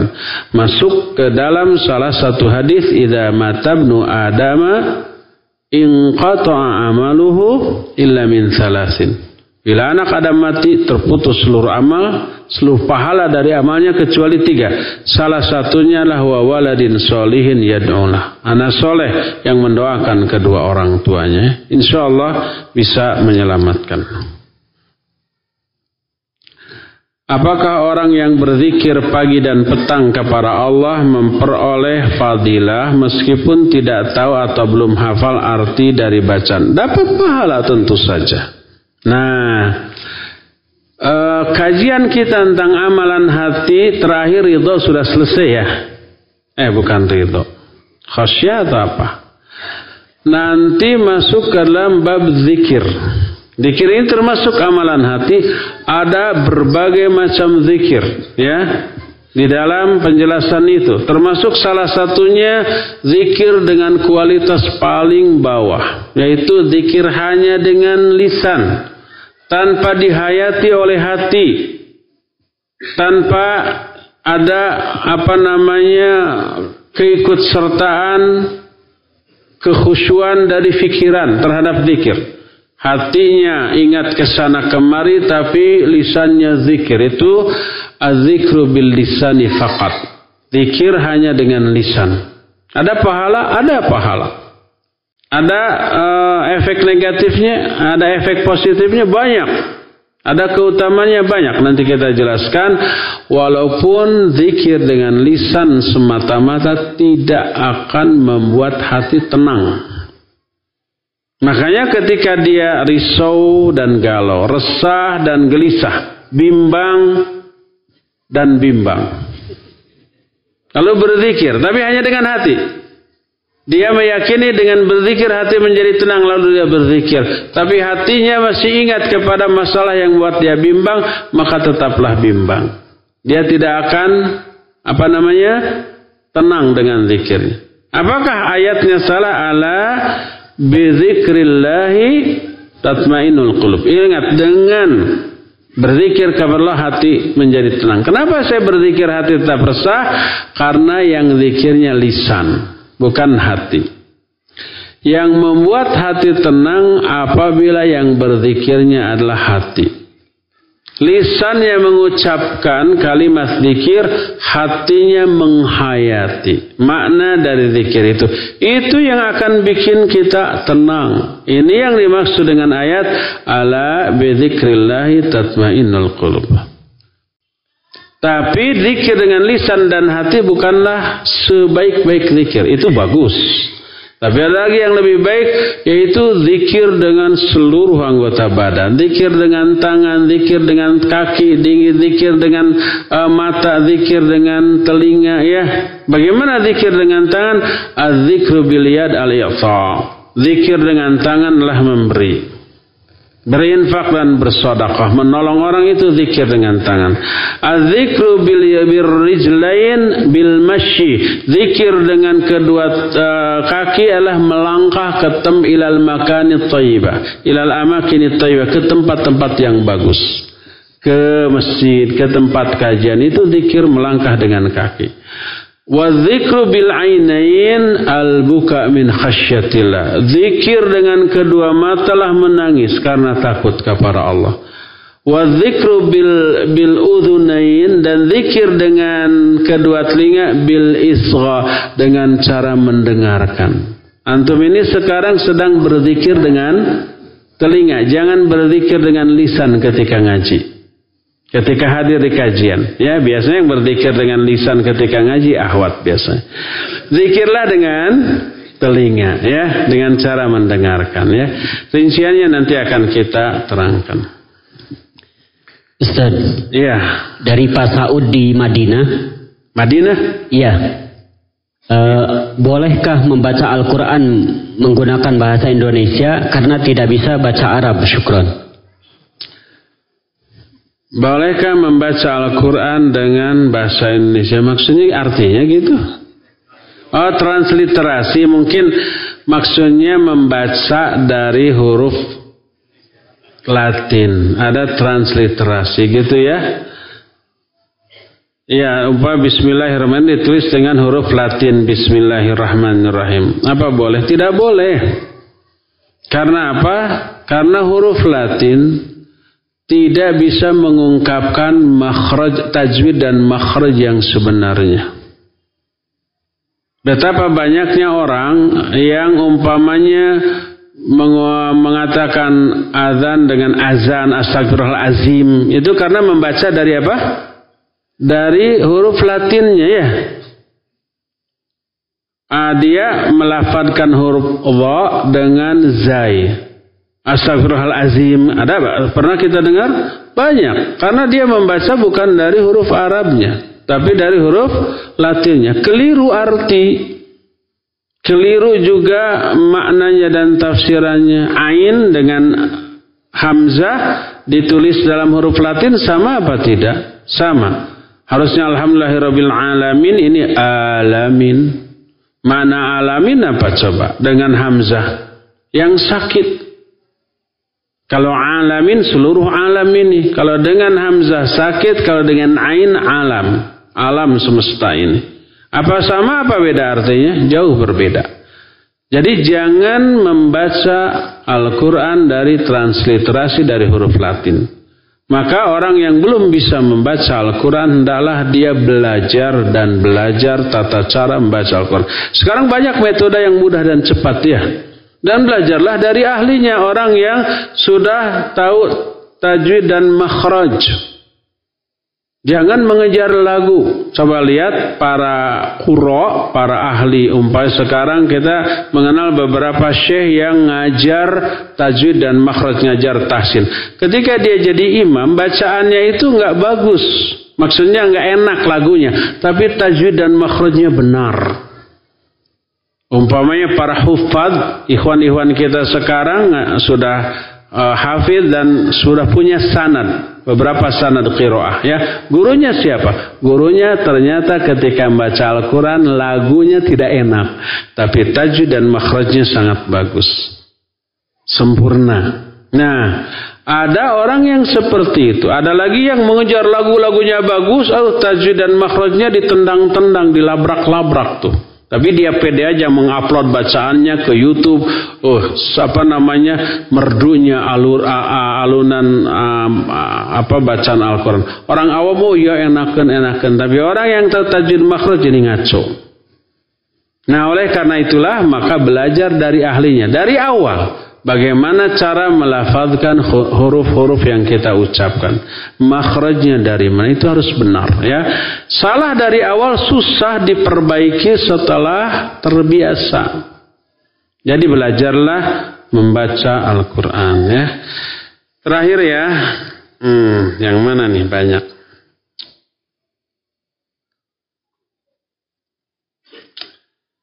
Yang mudah dan Tulisannya banyak-banyak. Eh, nah ini yang sedikit. Anak dari kecil menghafal 20 sifat wajib bagi Allah. Di antara wujud kidam bako. Apakah ini sesuai dengan syariat? Pertama, dia men men membatasi sifat Allah hanya 20. Sifat-sifat Allah yang lain dikemanakan. Ar-Rahman, Ar-Rahim sifat Allah apa bukan? Ya jelas dalam Al-Quran ada. Ada nggak dalam sifat 20? Tidak ada. Ya, wujud, qidam, baqa, mukhalafatul hawadithi, qiyamuhu binafsihi, wahdah, qudrah, iradah, kalam dan seterusnya. Ada 13. Itu disusun atau dirumuskan oleh Al-Ash'ari rahimahullah sebelum eh, pas pertama kali beliau tobat dari pemikiran Mu'tazilah. Awalnya 6, terus 7, mikir lagi jadi 9, terus jadi 11, akhirnya 13 ya. Diajarkan ke murid-muridnya di antaranya Imam Al-Maturidi. Lalu Imam Al-Maturidi mengembangkan lagi di tempat lain tambah menjadi 20. Jadi sifat Allah bisa ditambah dikurang sesuai ijtihad manusia. Padahal sifat Allah tauqifi. Apa mana tauqifi? Baku dari sononya. Nggak boleh kita menetapkan sifat bagi Allah yang tidak Allah tetapkan sebagai sifat bagi dirinya. Ya. Nah, setiap nama Allah mengandung sifat. Nama Allah ada berapa? Minimal 99 minimal itu padahal banyak. Minimal berarti sifat Allah itu 99. Coba uh, dalam sifat 13 atau 20 ada Rahman Rahim, ada nggak Al Malikul Quddusus Salamul Mu'minul Muhaiminul Azizul Jabbarul Mutakabir ada nggak? Nggak ada semua itu dikemanakan? Ada ustaz yang menyatakan 20 ini cukup untuk membentengi akidah kita. Bukan menjadi benteng tapi pemahaman keyakinan kita tentang sifat-sifat Allah SWT. Sifat yang lain dikemanakan, dikorupsi itu dihapus, diingkari. Ya, Tanya kepada orang itu, Ar-Rahman Arim sifat Allah atau bukan? Kalau dia bilang bukan, berarti mengingkari sifat Allah bisa kufur. Mengingkari ayat Ar-Rahmanir Rahim. Ya. Nah, tanya sifat-sifat Allah yang sebenarnya. Kalau mereka menyatakan, iya Ar-Rahman Ar-Rahim sifat Allah. Kenapa nggak ada di, di 13 atau 20? Terus yang dalam surah Allah surah Al-Malikul Quddusus Salamul Mu'minul Muhaiminul Azizul Jabal Mutakabbir. Sifat Allah apa bukan? Kalau mereka mengatakan bukan, bukan sifat Allah, itu bisa kufur. Kalau mereka bilang iya itu sifat Allah, mana kok nggak ada? Tambahkan atau nanti istihad lagi nambah jadi 30, 60 dan seterusnya. Akhirnya mau tidak mau seluruh Asmaul Husna harus mereka masukkan dalam sifat bagi Allah Azza wa Jalla. Mau tidak mau ya. Ditinjau dari segi ini saja sudah kelihatan kelirunya dan Alhamdulillah perumusnya itu Imam Abu Hasan Ali Al-Ashari sudah meralat dari hal itu. Ralatan beliau kita bisa baca dalam kitab Al-Ibanah an Usulid Diyanah. Kitab yang pertama kali kita bahas ketika ngaji kitab itu tuh di waktu di di di panorama kitab Al-Ibanah an Usulid susunan Abdul Hasan Ali Al Asari. Kita bisa lihat uh, apa namanya tobatnya beliau dari hal itu dalam kitab Baqalatul Islamiyin, ya. Oleh karena itu, tobatnya beliau ini tidak banyak diketahui oleh orang. Setelah diketahui, nggak mau nerima. Padahal sifat-sifat yang 13-20 ditetapkan oleh Al-Asyari dan Al-Asyari sendiri sudah tobat dari hal tersebut tapi tidak diketahui oleh kebanyakan orang. Begitu dia kita sodorkan nih kitabnya baca sendiri tetap saja mengingkarinya ya. Ya demikian cukup sampai di sini insyaallah kita jumpa kembali di masa-masa yang akan datang. Subhanakallahum bihamdik asyhadu an la ilaha illa anta astaghfiruka wa atubu ilaik walhamdulillahi rabbil alamin wa sallallahu ala nabiyyina Muhammadin wa ala alihi wa ashabihi wasallam. Wassalamualaikum warahmatullahi wabarakatuh.